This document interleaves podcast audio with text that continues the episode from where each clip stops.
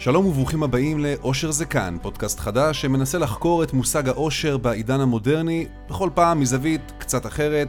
אני דופוס, והיום אנחנו עם יעלמן שחר, חוקרת השפעות הטכנולוגיה. שלום יעל. שלום. אז בואי תספרי לנו קצת מה את עושה, מה למדת ומה את חוקרת. אמ, אני מגיעה מתחום אה, רקע אקדמי של פסיכולוגיה, ואני חוקרת את השפעות הטכנולוגיה על האדם, או יותר נכון, באופן ספציפי על המוח. איך בעצם כל השימוש שלנו באינטרנט, בסמארטפונים, בטאבלטים, מחשבים, איך זה משנה את המוח. עכשיו, כשאני אומרת משנה את המוח, זה מונח שצריך להסביר אותו. מה זאת אומרת המוח משתנה? מעיגול למרובע? מה... אז אה, לא ידענו, אבל מסתבר שכל הנגיעות האלה בטלפון ובמחשב משנים ממש את הפעילות המוחית. המוח עובד על חש... מייצר חשמל, ופתאום אנחנו רואים אזורים שכבר לא מייצרים חשמל, או איך נקרא, מתנוונים. יש גם חוקרים שקוראים לזה נמחקים. אה, אז אני מנסה להביא כמה שיותר, לאסוף כמה שיותר מידע. במחקרים שלי אני בעצם עוקבת אחרי עשרות של מחקרים שמתפרסמים בעולם, מהאקדמיות השונות, ועושה להם אה, סוג של תמות, ממוצעים, מנסה להבין, אוקיי, אז מה הבשורה? מה כדאי שאנשים ידעו? ואז אני יוצאת אה, למדיות השונות, אה, אני עושה הרצאות בנושא כדי להעלות מודעות לשינויים. דברים שאומרת שרי טורקל, פרופסור לחקר השפעות המדע והטכנולוגיה על החברה. במשך 15 השנים האחרונות למדתי טכנולוגיות של תקשורת ניידת וגיליתי שהמכשירים הקטנים שלנו, המכשירים הקטנים האלו שבכיסנו, כל כך חזקים מבחינה פסיכולוגית, שהם לא רק משנים את מה שאנו עושים, אלא גם את מי שאנחנו. חלק מהדברים שאנו עושים כיום עם המכשירים שלנו, הם דברים שרק לפני שנים מעטות היינו מחשיבים כמוזרים או מטרידים, אבל הם מהר מאוד הפכו למוכרים, לדברים שאנחנו פשוט עושים. אנשים מסמסים או כותבים אימיילים במהלכן של ישיבות. הם מסמסים, קונים ונכנסים לפייסבוק תוך כדי שיעורים, תוך כדי הרצאות. הורים מסמסים וכותבים מיילים בארוחת בוקר ובארוחת הערב, בעוד ילדיהם מתלוננים שאינם זוכים בתשומת ליבם המלאה של הוריהם. אבל בה בעת, אותם הילדים מונעים תשומת לב מלאה זה מזה. אנחנו אפילו מסמסים בזמן הלוויות.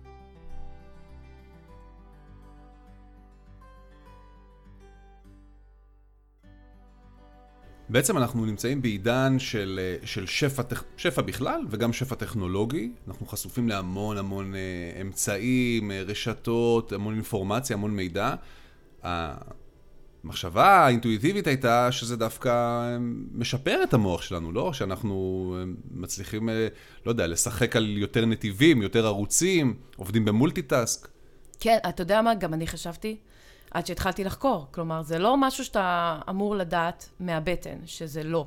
על פניו זה נראה יעיל, אבל כשמסתכלים על, על scanning, על אה, תצלומים של המוח ב-FMRI, רואים שזה בעצם יוצר עומס קוגניטיבי, אה, שמפריע אחרי זה לתפקוד של חשיבה, זיכרון, אה, פתרון בעיות, קבלת החלטות. רואים שזה בעצם עושה את הפעולה ההפוכה. וזה הפרדוקס, זה על פניו, לעין החיצוני זה נראה כאילו אנחנו מתייעלים, במוח בפנים אנחנו מתנוונים. עכשיו, אם נחבר את זה לנושא שלנו, של עושר, אנחנו לא רואים שיפור ברמות העושר הכלליות, אה, אפילו להפך. כן, זה, זה נושא כאילו באמת הכי כאוב במחקר על השפעות הטכנולוגיה על האדם. יש uh, כמה פרופסורים מאוד מכובדים uh, בחו"ל דווקא, בארצות הברית, ששם חוקרים את זה יותר, שמביאים לנו בשורות שקשה לנו כאנשים וכהורים לשמוע אותם. אבל uh, הטכנולוגיה ומדיה חברתית בפרט uh, מכניסה סוג של uh, עלייה באחוזי דיכאון בקרב גם ילדים, אבל גם מבוגרים. יש לזה המון סיבות. אבל זה בהחלט המצב. אמרת קודם ניפוץ תבניות קוגניטיביות. אני מכיר את זה מזה שטיפלתי במעשנים וניסינו להסביר להם ולהגיד להם, תקשיבו, המציאות שאתם מכירים היום ושאתם בטוחים שהיא מתקיימת באופן מסוים, אה, בואו תנסו לראות אותה באופן קצת אחר, כי אתם בתוך תבנית קוגניטיבית מסוימת. זה בדיוק הנקודה של לנפץ להם אה, תבניות, כי הם בטוחים איזה טוב זה פייסבוק לצורך העניין.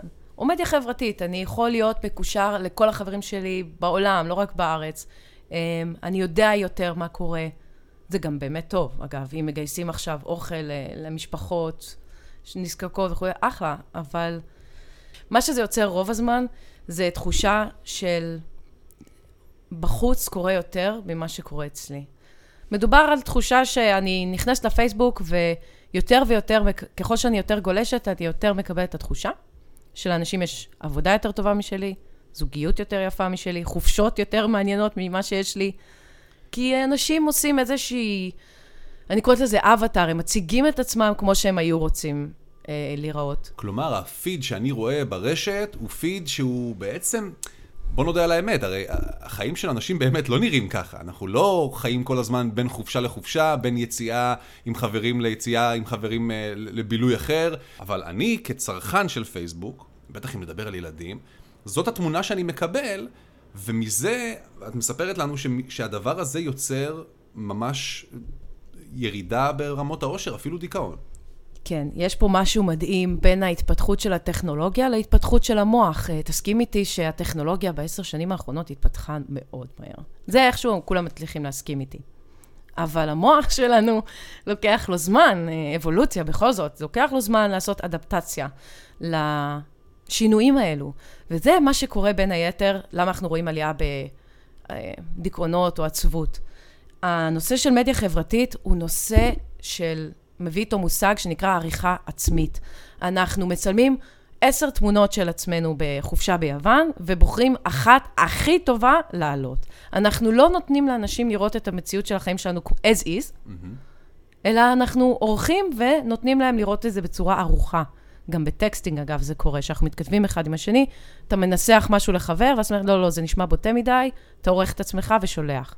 יצרנו מציאות שבה כולנו מבינים שאנחנו עורכים, אבל המוח לא. המוח מסתכל על התמונות, חלק ממנו אומר, אני, ברור לי שלא ככה היא נראית, כאילו, אחלה סלפי, אבל זה רחוק מאוד מאיך שהיא נראית באמת, אבל החצי השני של המוח אומר, לא, זה, זה המציאות. וזה איזושהי מלחמה. בוא נתעכב על זה רגע. את אומרת, אנשים באיזשהו מקום מודעים לזה שהם רואים פיד שהוא מלאכותי, שהוא לא אמיתי, שהוא אה, ייפוי גס אולי אפילו של המציאות, אבל חלק אחר במוח שלהם מסרב לקבל את זה, וזה החלק שגורם להם לתחושות לא נעימות. אה, נכון, זה בעצם מה שיוצר את הדיסוננס במוח. אמרת את הדוגמה עם הסיגריות, דווקא התחברתי לזה באיזשהו מקום, כי למה בן אדם מעשן אם הוא יודע שזה הורג אותו? Okay. כן. זה נורא מוזר. אז, אבל זה בדיוק הנקודה, אנחנו so much רציונליים, כמו שדן אריאלי מסביר. אנחנו באמת, אה, גם אם אנחנו מבינים שכולם עורכים את עצמם, ולא באמת היא נראית ככה, עדיין, עדיין אנחנו מקבלים את זה כמציאות. וזה מכניס אותנו למצב שעוד פעם, שאנחנו תופסים את המציאות מעוותת, וזה מכניס אותנו לעצבות, לדיכאון.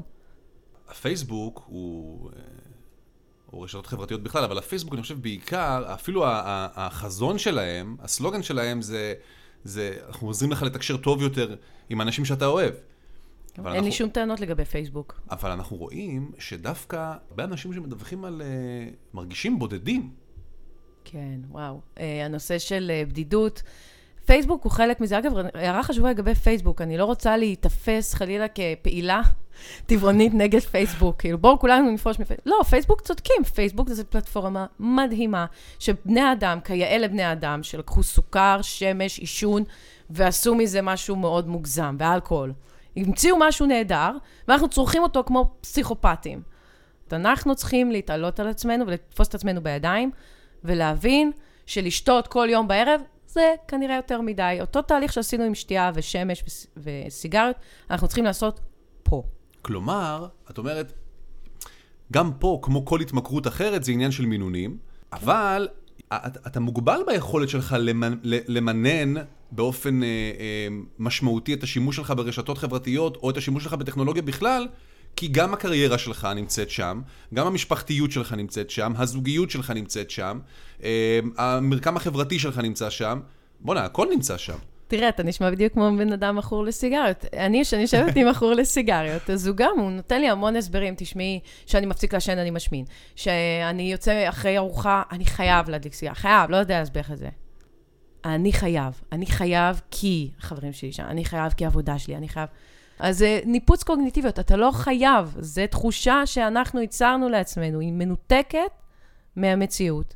אבל אולי, בניגוד לסיגריות, כאן החסרונות של להיות מכור לטכנולוגיה או מכור, אה, ל, ל, לא יודע מה, ל, למידע, או לקבלת מידע ולשיתוף מידע, אולי החסרונות של זה לא מספיק ברורים. את, את אומרת, חוזרת כל הזמן על הביטוי הזה שהמוח מתנוון. איך זה בא לידי ביטוי? איך, איך אפשר לראות את זה? באיזה, באיזה אופנים? אוקיי, מוח מתנוון, הדרך לראות את זה, אגב, זה לרוב, ברמה המדעית זה FMRI, זה מכשיר שמראה את הפעילות החשמלית של המוח בזמן שאתה פותר חידה או נשאל שאלה, או עושה כל פעילות. אנחנו רואים את המוח, איך הוא, הוא עובד. ואחד הדברים, אנחנו רואים כמה תופעות. אחד זה עצלות קוגניטיבית, שזה נובע ממצב שאנשים רצים לחפש את המידע בגוגל, להבדיל מלנסות רגע להרהר, או חלילה לנסות להיזכר לבד. אה, זה, אתה לא מפעיל אזורים שפעם היית מפעיל באותה תדירות, והאזורים האלה לא מקבלים חשמל, אז הם מתנוונים, כאילו, הם לא נגישים לך יותר. אנחנו רואים יותר ויותר את זה בזיכרון. מאות ממצאים בנושא הזה, כמה וכמה אוניברסיטאות, מיטב האוניברסיטאות בעולם מצאו שיש תהליך של מחיקת זיכרון, התנוונות זיכרון. אם אתה לא צריך לזכור לאן אתה, אה, את הדרך ש, שעליה אתה נוסע, אם אתה לא צריך לזכור מספרי טלפון, מתי יש לך פגישה, זה כמו שריר שאתה כבר לא מפעיל אותו, הזיכרון מתנוון, ואז אתה ניגש למקרר, ופתאום אתה לא זוכר מה באת להוציא, ואהלן אהלן, כאילו, זה מה, ש... זה מה שנקרא זיכרון, אה, סליחה, זה מה שנקרא המוח מתנוון. כן. מרוב שהמוח שלך עמוס, שאתה מתיישב עם חבר טוב, שרוצה עכשיו להסביר לך מה עובר עליו, אתה לא מסוגל להקשיב. לא משנה כמה אתה חושב שאתה מסוגל, תפקודית, המוח שלך עמוס מדי, וקשה לנו להקשיב אחד לשני. אתה שומע, לא אמרתי שיש לך בעיית שמיעה. כן. אתה שומע אותו מדבר, אבל להקשיב זה לאבד לעומק את מה שהוא אומר לך, ולענות לו תשובה מהלב וכולי. איפה זה פוגש אותי באושר? זאת אומרת, אני יכול לדמיין, אבל מעניין אותי לשמוע מה את אומרת. תראה, קשב ואושר זה מבחינתי, זה הדוגמה הכי טובה שיש. ברגע, יותר ויותר אנשים שאני מראיינת, ואני מראיינת עשרות בחודש, הם מדווחים לי תחושה שהם לא חושבים שאנשים קשובים להם כמו שהם היו פעם. Mm. אני אומרת לבן אדם, יצא לך לאחרונה, אולי בשבוע האחרון לדבר עם מישהו, ותוך כדי השיחה הרגשת שהוא לא כל כך קשוב לך? אז אומרים לי, כן, בטח. אף פעם לא אמרו לי, אה, לא, לא יודע על מה מדברת. לך יצא שהיית בשיחה עם מישהו והרגשת שהוא... שאתם מדברים, אבל הוא לא כזה קשוב. ברור. למה, למה אנשים עונים לי ברור ולא מבינים את ההשלכות של זה? הברור הזה אומר שאנחנו נכנסים לעידן מאוד עצוב, מאוד עצוב. אנחנו נכנסים לעידן שבו אה, להשיג קשב של בן אדם שאתה רוצה לפרוק בפניו, או לשתף אותו עכשיו באיזה קידום שקיבלת בעבודה, והיכולת שלו להקשיב כיום נמדדת בממוצע של ש... על שבע דקות. זה מה שהאנשים שחוקרים את זה, אקדמיות, מוצאים, שבע דקות זה הממוצע הקשבה. ובן אדם שלא מרגיש שמבינים אותו, הוא בן אדם עצוב. בן אדם שלא מקבל קשב, כאשר הוא רוצה לספר על, אה, על 100 שהוא קיבל במבחן, הוא מספר לאימא שלו. ואימא שלו מקשיבה, אבל אחרי שבע דקות היא קצת איבדה את הקשב, והיא מוציאה רגע את הטלפון, דבר, דבר חמוד, אני מקשיבה. אה, אתה רוצה לספר לחבר שלך על קידום שקיבלת בעבודה, כל הדברים האלה, אנחנו צריכים את זה, זה, זה, זה צורך בין הכי בסיסיים שיש בפירמידה של מאסלו. אחד הצרכים הכי בסיסיים שהאדם צריך, זה שיהיה לו תחושה של זה צורך חברתי. אנחנו קודם כל יצורים חברתיים, בראש ובראשונה. אנחנו צריכים שאנשים יקשיבו לנו, אנחנו צריכים לפרוק, ואנשים לא מקשיבים. אנשים מקשיבים פחות ופחות, וזה רק הולך ונעלם. כי הטכנולוגיה לא עוצרת.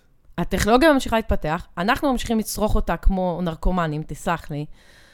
והתוצאה של זה, זה שאנחנו נהיים פחות ופחות קשובים. ולכן פחות ופחות עצובים. ופח... ויותר עצובים. יותר ויותר עצובים. כן, כי אני, אצלי אגב, ככה יצאתי למחקר.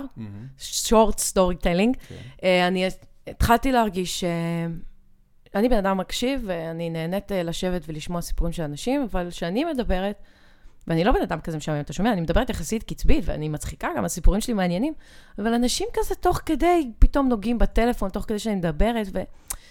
ו... אבל זה, זה מרגיז, כאילו, אני רוצה לשתף אותך עכשיו. זה ש... שמצליח לי בהרצאות וזה. זו תחושה איומה שעצבנה אותי, ואמרתי, בואנה, זה קורה לי עם כל אחד. זה קורה לי עם בעלי, זה קורה לי עם חברות שלי, זה קורה לי עם קולגות שלי, ואני הולכת להילחם בזה. אני לא מוכנה לחיות בעידן שבו אנשים סביבי מאבדים קשב. ויצאתי למלחמה הזאת, וזו מלחמה. קודם כל זה להאיר לאנשים עיניים של, היי, אתה עונה לי ברור. מה זה ברור? אתה לא שם לב שכולם סביבך נהיים פחות קשובים? מה זה ברור? איך זה יכול להיות ש, ש, שלאדם אחד, או שאדם אחד הסנסורים שלו תפסו את זה טוב יותר?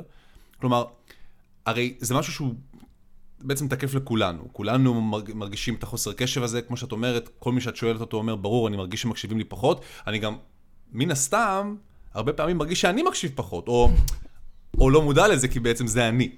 נכון? כן. כלומר, אני לא מודע, אני לא, אני לא רואה שאני מכור, המכור לא יודע שהוא מכור. בדיוק, זה אותם עקרונות. הנה, אתה מבין את זה, כי זה בדיוק זה.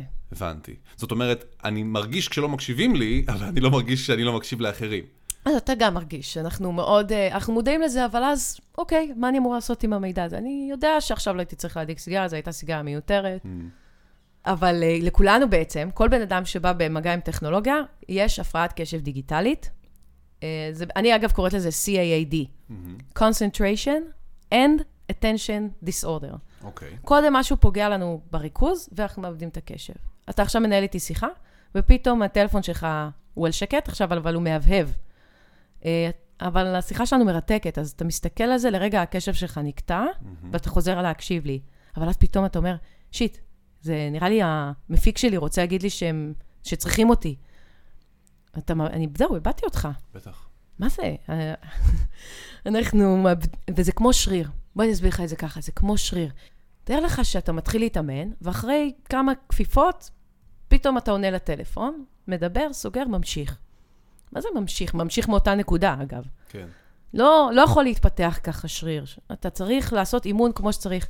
קשב הוא כמו שריר. הוא צריך אימון. אתה צריך פעם ביום לדבר עם מישהו שעה שלמה בלי ששום דבר מסביבכם מצפצף וקוטע את השיחה. גם אם הטלפון על שקט ואתה רואה שהוא מהבהב, ששום דבר לא יקטע את השיחה שלכם. האם אתה עושה משהו כזה במהלך היום? לא. אוקיי. Okay.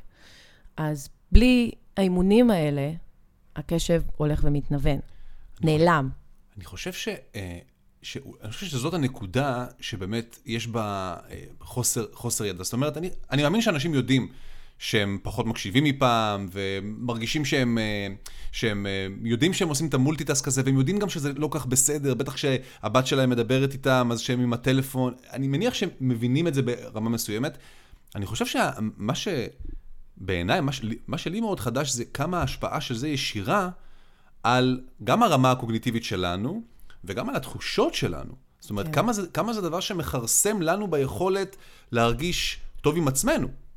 כן, זה...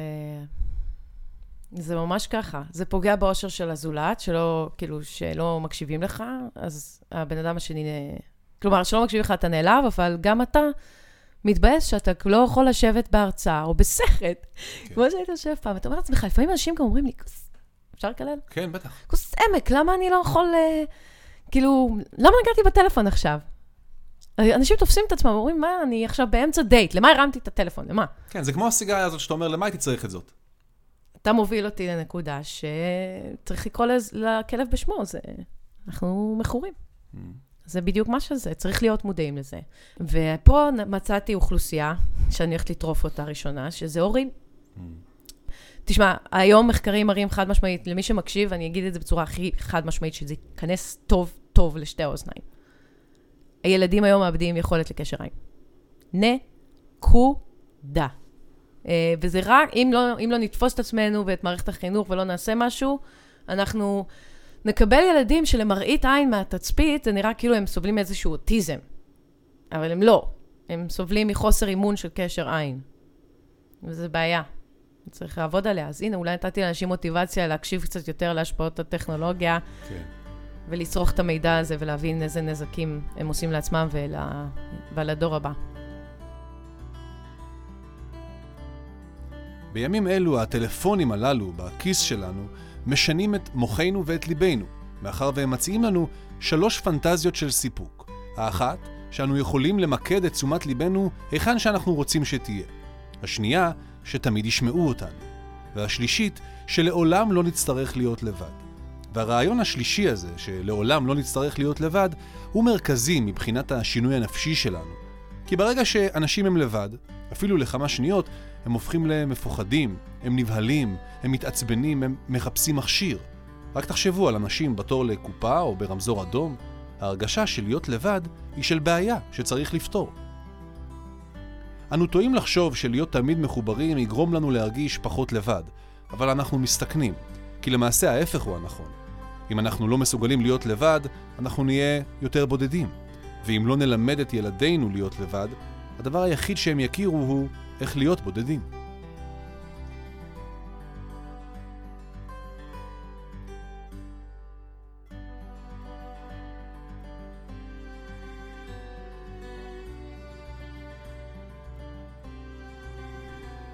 דיברנו על אושר והקשבה, שזה שוב, זו המשוואה הכי חשובה שיש. Mm-hmm. צריך uh, לנסות להעניק uh, אחד זה לזה, אם אתה יושב עם הבת זוג שלך לארוחת ערב, או נוסע איתה לחופשה, להתנתק, לתת לתת מודע של הבן זוג או לחבר תחושה שאתה מאה אחוז איתו. דיברנו על הקשר בין הדבר הזה לבין אושר. זה, אתה הרבה יותר, תראה, הרבה יותר uh, אנשים לאט לאט מדווחים שנוסעים להם לעשות את הניסוי של... לך לארוחת ערב וסרט ותשאיר את הטלפון באוטו. Mm. הם כן מדווחים על תחושה של עונג, שוואלה, כאילו, היה לי כיף, הרגשת, פתאום הרגשתי את החיים, פתאום ממש uh, דיברנו. אתה יודע, אנשים אומרים כזה, אשכרה, דיברנו. את אומרת משהו שהוא, שהוא, הוא, נגיד, את זה עוד אני יכול לדמיין. מפגש, להיות עם אשתי בלי טלפונים. אני יכול, אני יכול לסמלץ את זה בראש, אני יכול לדמיין את זה, סבבה. אבל את אומרת, תקשיב, אתה צריך להגיע למצב באופן מובהק, זאת אומרת, לכוון למצב שבו ישעמם לך. וואו, זה, כן, אם אתה רוצה באמת אה, לשפר אושר ולשפר את ההקשבה שלך, שזה, אמרתי, זה מאוד תלוי אחד בשני. אחד הדברים, אה, יש אה, בחור מבריק בשם אה, מייקל הריס, הוא גם כתב על זה ספר שנקרא The End of Absence, שזה זהו, אנחנו נפרדים מעידן הזמן מת. ביי ביי. לנכדים שלך כבר תצטרך להסביר שפעם היה דבר כזה זמן מת, שהיית מחכה לרופא ובוהה בקיר. הוא מסתכל על אנשים, הוא חלילה פותח איתם בשיחה, חלילה. אה, היום אין דבר כזה זמן מת, בטח לא לילדי הדיגיטל.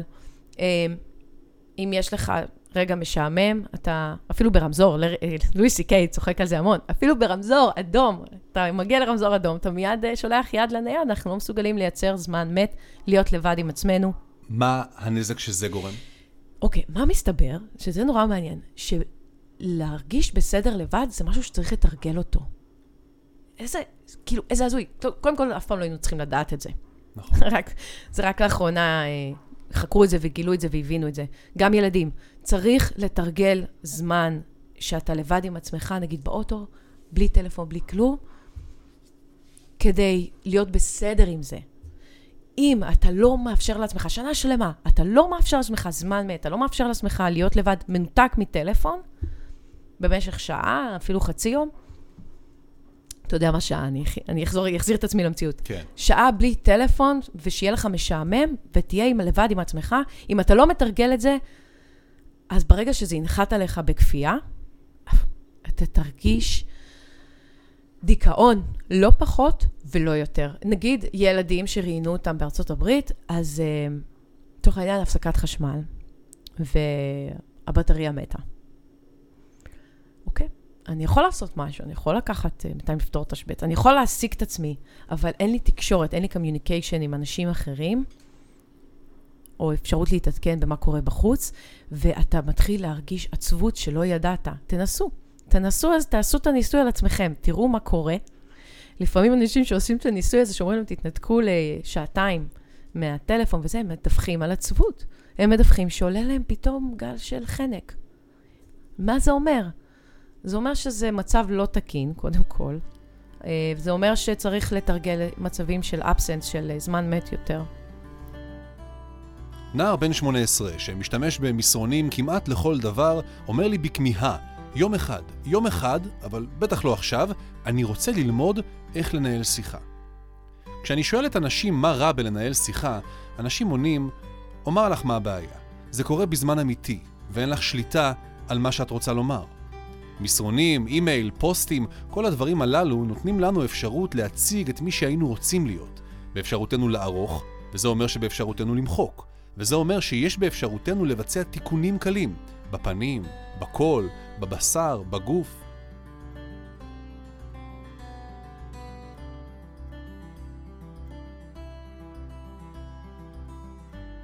אחד אה, הממצאים המרתקים שמצאו בארצות הברית זה הנושא של להעלות תמונות, אפרופו פייסבוק. כן. שהיכולת שלך ליהנות מטיול, שלך, משפחתי, וואטאבר, בלי להעלות תמונות שלך בטיול, או בלי לתעד את הטיול כל רגע ממנו, אה, הוא תנאי לאושר של הטיול. כלומר, ביקשו מאנשים מסוימים שזיהו אותם כמשתמשים כבדים, אה, לא לצלם במהלך הטיול, וראיינו אותם אחרי זה, והם ממש דיווחו ש... פגע, פגע להם בחוויה. מה זה פגע להם בחוויה? הם לא נהנו. אתה מקטין את מה שזה. הם לא נהנו. הם לא נהנו כי הם לא יכלו לצלם, והם לא יכלו לשתף. אנחנו תמיד צילמנו טיולים, אבל אתה יודע, יש לצלם, יש לצלם ויש, ויש לצלם. כן. אבל עצם העובדה שהם גם לא יוכלו לשתף אחרים, אנחנו לא יכולים לשתף, משמע אנחנו לא יכולים ליהנות. ויש אגב מלא חוקרים שרשמו את המשפט הזה, I share therefore I am. כי מה? כי בגלל שלא מקשיבים לי ברמה האישית הקרובה, האנושית, אז אני צריך את הקשב שיגיע מהרשת או מהעולם הגלובלי, יו, זה הוא תחליף? בדיוק זה, זה בדיוק מה שפרופסור שרי טורקל אומרת. אנחנו לא מקשיבים אחד לשני, זה עובדה מוגמרת, וכל בן אדם שבא לו לעשות איתי על זה debate, איזשהו אה, ויכוח, אני בשמחה. אש- אשמח לזרוק עליו ממצאים ומחקרים, אנחנו לא מקשיבים אחד לשני. therefore, אנחנו הולכים למדיה החברתית ואומרים, היי, קיבלתי קידום. לייק, לייק, לייק, לייק, תגובות, תגובות, share עניינה, יש. הקשיבו לי. זאת הדרך שלנו, לכאורה, לקבל הקשבה, אבל זה בחייאת, נו, זה הקשבה. כמה זמן זה יחזיק? אוטוטו אנחנו ניכנס לעידן חדש, שנבין טוב, גם במדיה החברתית אני לא מקבל הקשבה, כי אנחנו מתחילים כבר לראות את זה בוואטסאפ, שאתה מפרסם בקבוצה משהו, ידיעה שלפי דעתך הייתה שווה הרבה תגובות, נכון. ואף אחד לא מגיב. אוי, איזו אכזבה זאת. בוא'נה, אני פרסמתי בקבוצה המשפחתית שלי, המשפחה שלי, המשפח... אימא שלי שמה. פרסמתי שיש לי הרצאה חדשה, אה, הרצאה שכאילו ממש גדולה, עם המון משתתפים וזה, הנה תמונה שלי בעיתון. אף אחד לא הגיב. אה, זה מצב שהמוח לא יודע להתמודד איתו, יקירי. המוח לא יודע להתמודד עם מצב שבו אתה לכאורה משתף משהו משמח ואף אחד לא מגיב לך, ותחושת דיכאון מתחילה להצטבר לה. אה, ילדים שמשתפים ולא עושים להם לייקים, מגיעים לפסיכולוג קליני ומדווחים על אה, תחושה של דיכאון, והם גם מאובחנים כבעלי דיכאון. ויש עלייה של למעלה מ-33 אחוזים. פותח את האוזניים עכשיו? כן, לגמרי. למעלה מ-33 אחוזים עלייה בדיווחי דיכאון בקרב ילדים ונוער, שקשה לבודד את זה, אבל הקשר המרכזי זה המדיה החברתית והנושא של בדידות והקשבה. זהו. אבל מבחינה, בוא נגיד מבחינה, נלך רגע גלובלית, נלך חברתית. מה, צריך כאילו, כמו מיטלס מנדיי, אז אנחנו צריכים, אנחנו צריכים טקלס סנדיי? יש המון שיטות. Um, אני לא בעד uh, לתת uh, כל כך טיפים, אלא יותר לחנך לעקרונות ולתודעה, ולהעלות מודעות לשימוש נכון. אני לא אומרת, uh, תפסיק לעשן, אני אומרת, אל תעשן ליד הילדים שלך. זה מה שאני אומרת, אני לא הולכת לחנך אנשים עכשיו אם לעשן או לא. כן. אני לא אומרת לך, תפסיק להשתמש בטלפון, אני אומרת, אמ, אל תיגע, תנסה לא לגעת בטלפון בעשר דקות הראשונות שאתה מתעורר בבוקר. זה עשר דקות נורא חשובות. אני אגב אומרת שעה, כן? אבל אני עדינה פה עם המשתמשים הכבדים שמקשיבים לנו. עשר דקות ראשונות. כשאתה קם, תקנה שעון מעורר. אל תגיד לי, הטלפון שלי זה שעון מעורר, תקנה שעון מעורר. הכל בסדר, עדיין מוכרים את זה. אמ, זה זמן שבו אתה מתעורר ואתה מקבל המון החלטות על החיים. אתה אומר, תכלס, למה קבעתי את הפגישה הזאת? זה לא משהו שאני באמת רוצה. אם אתה מיד פותח את הטלפון כדי לסגור את השעון המעורר ואתה קולט שיש וואטסאפ, אנחנו לא מסוגלים, זו תופעה מרתקת, זה נקרא אפקט האפס. אפקט האפס אומר שאתה מתעורר בבוקר, ורק באת לסגור את השעון, אוקיי? אתה לא מכור, אתה לא עכשיו תתחיל לגלוש בוואטסאפ ובמיילים, כי אתה לא. כן. אבל ראית שמחכה שם סימן של וואטסאפ והודעה. ואתה בא להמשיך. אתה הולך לצחצח שיניים. אבל זה מטריד אותנו. המוח שלנו, ברגע שהוא רואה שיש איזה סימן, כמו ארבעה מיילים שעוד לא קראתי, משהו כזה, קשה לנו להמשיך את סדר היום. קשה לנו להמשיך לדבר הבא. זה מה שאני אומרת תמיד, שאנשים, שאנשים מבקשים שאני אסביר להם מה זה שהמוח לא עשה אדפטציה לעולם. אני אומרת, למוח יש את ההרגלים שלו שהיו לפני הטכנולוגיה.